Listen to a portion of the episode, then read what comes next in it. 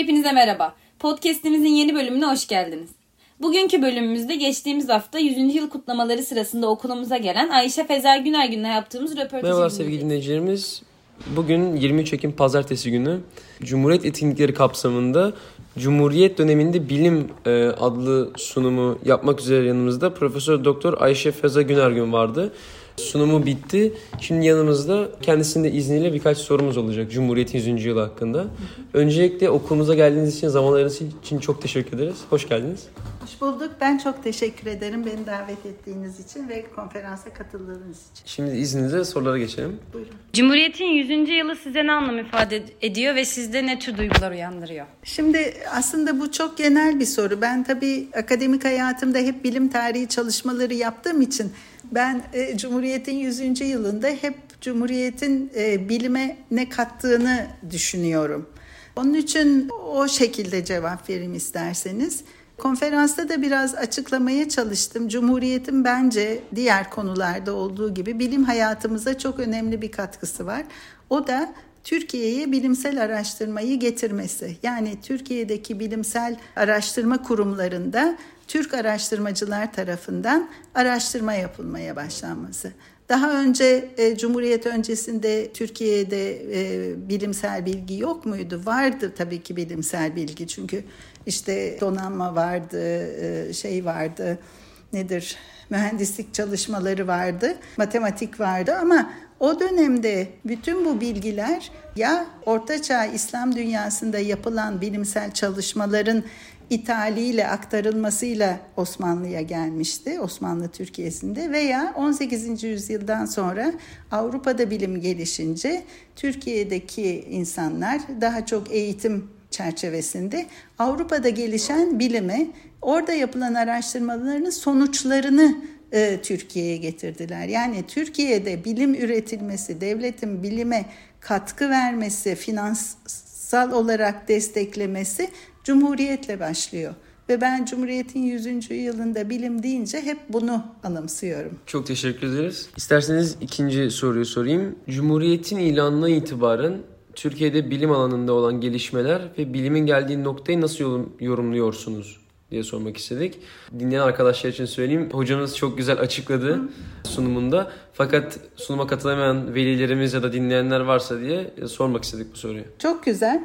Şimdi Cumhuriyet bilimsel araştırmayı Türkiye'ye getirdi ama bu tabii ki bilimsel araştırma kurumlarının kurulmasıyla da ortaya çıktı. Tür- Türkiye tarihinde ilk defa devlet bir bilimsel araştırma kurumu kuruyor, finanse ediyor ve o devlet eliyle bilim üretiliyor. Bu çok önemli bir şey. O e, var. İkincisi bu kurulan bilimsel araştırma kurumları bir müddet sonra ama çok vakit geçmiyor bilimsel dergiler ortaya çıkarıyorlar, yayınlıyorlar. Bu e, Türkiye'de yapılan araştırmalar bu bilimsel dergilerde yayınlanıyor. Dolayısıyla elde edilen bilimsel bilgi çok daha geniş bir alana, çok daha geniş bir kitleye yayılabiliyor. Bu çok önemli. Bir de tabii 1930'larda işte o ilk 30 yılda yurt dışından yabancı hocalar geliyor. Bu yabancı hocalar daha çok eğitimde modern bilimleri okutuyorlar ama yani Türk gençliğini yeni bilgilerle donatıyorlar ama onlar aynı zamanda kendileri araştırmacı, bilim insanı oldukları için e, bilimsel araştırmayı da bir yerde Türkiye'ye getiriyorlar ve çevresindekilere bilimsel araştırma yöntemlerini öğretiyorlar diyeyim. O var ve tabii doktora tezleri 1946 üniversite reformuyla ile birlikte zorunlu hale geliyor. Yani üniversitede akademik kariyer yapabilmek için muhakkak tez yapmanız lazım.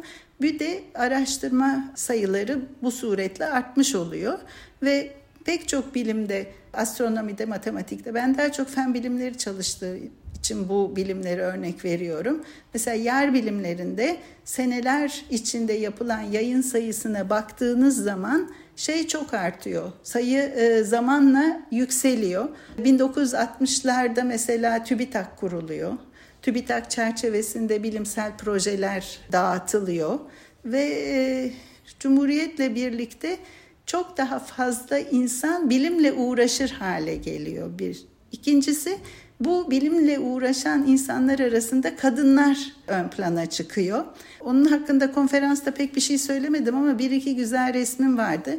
Mesela Cumhuriyet'in ilk bilim araştırma kurumlarından olan Hıfzı Sıha Enstitüsü ki Refik Saydam Enstitüsü işte aşı yapan, serum yapan bir e, şey kurum.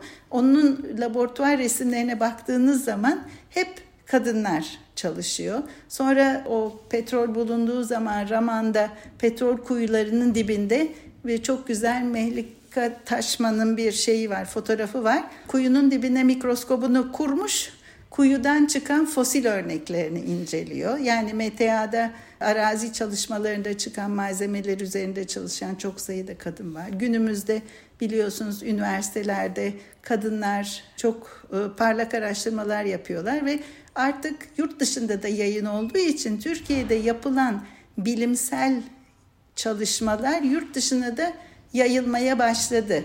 İlk Cumhuriyet'in ilk yıllarında bu daha çok Türkiye'deki dergilerde yayınlanıyordu.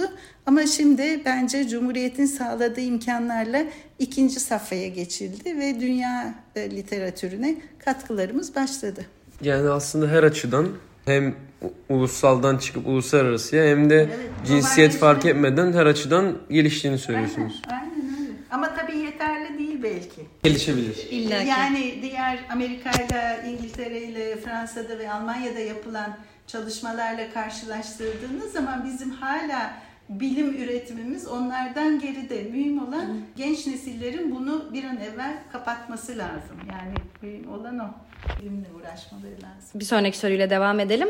Sizce Atatürk'ün vizyonu günümüzde de devam ediyor mu? Özellikle de bilimle ilgili olan bu vizyonu. Devam etmiyorsa da devam ettirmek için sizce ne yapılmalı? En zor soru bu sanırım. Çünkü buna tam karşılık veremeyeceğim. Çünkü Cumhuriyet'in başındaki heyecan ve bilim yapma gayreti ni bir yerde 1950'lere kadar yayınlarla hani ölçebiliyorduk istatistik olarak ama benim elimde son yıllarda mesela son 50 yılda yapılmış böyle bir çalışma yok. Ben de yapmadım.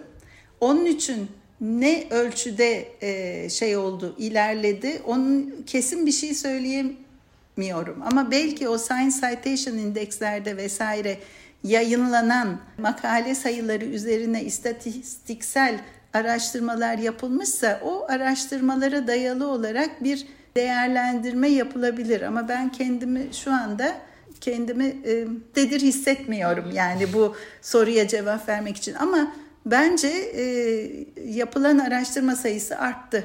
Bir de şu var yapılan araştırma sayıları araştırmaların içeriğine bakmak lazım. Bu araştırmalar ne kadar yeni? Çünkü bazı alanlarda mesela benim elime geçen ve bazı önemli dergilerde yayınlanan makalelere bakıyorum. Bundan 20 sene önce yapılmış bir araştırmanın biraz tekrarı, biraz değiştirilmişi gibi geliyor. Yani gerçek tekrardan derin bir araştırma sonucu olmuyor. Şimdi uluslararası yayıncılık da biraz e, şey oldu. Yabancılar bu dergilere ne kadar çok yayın kabul ediyorlarsa daha çok para kazanıyorlar. Yani biraz para işin içine girdi.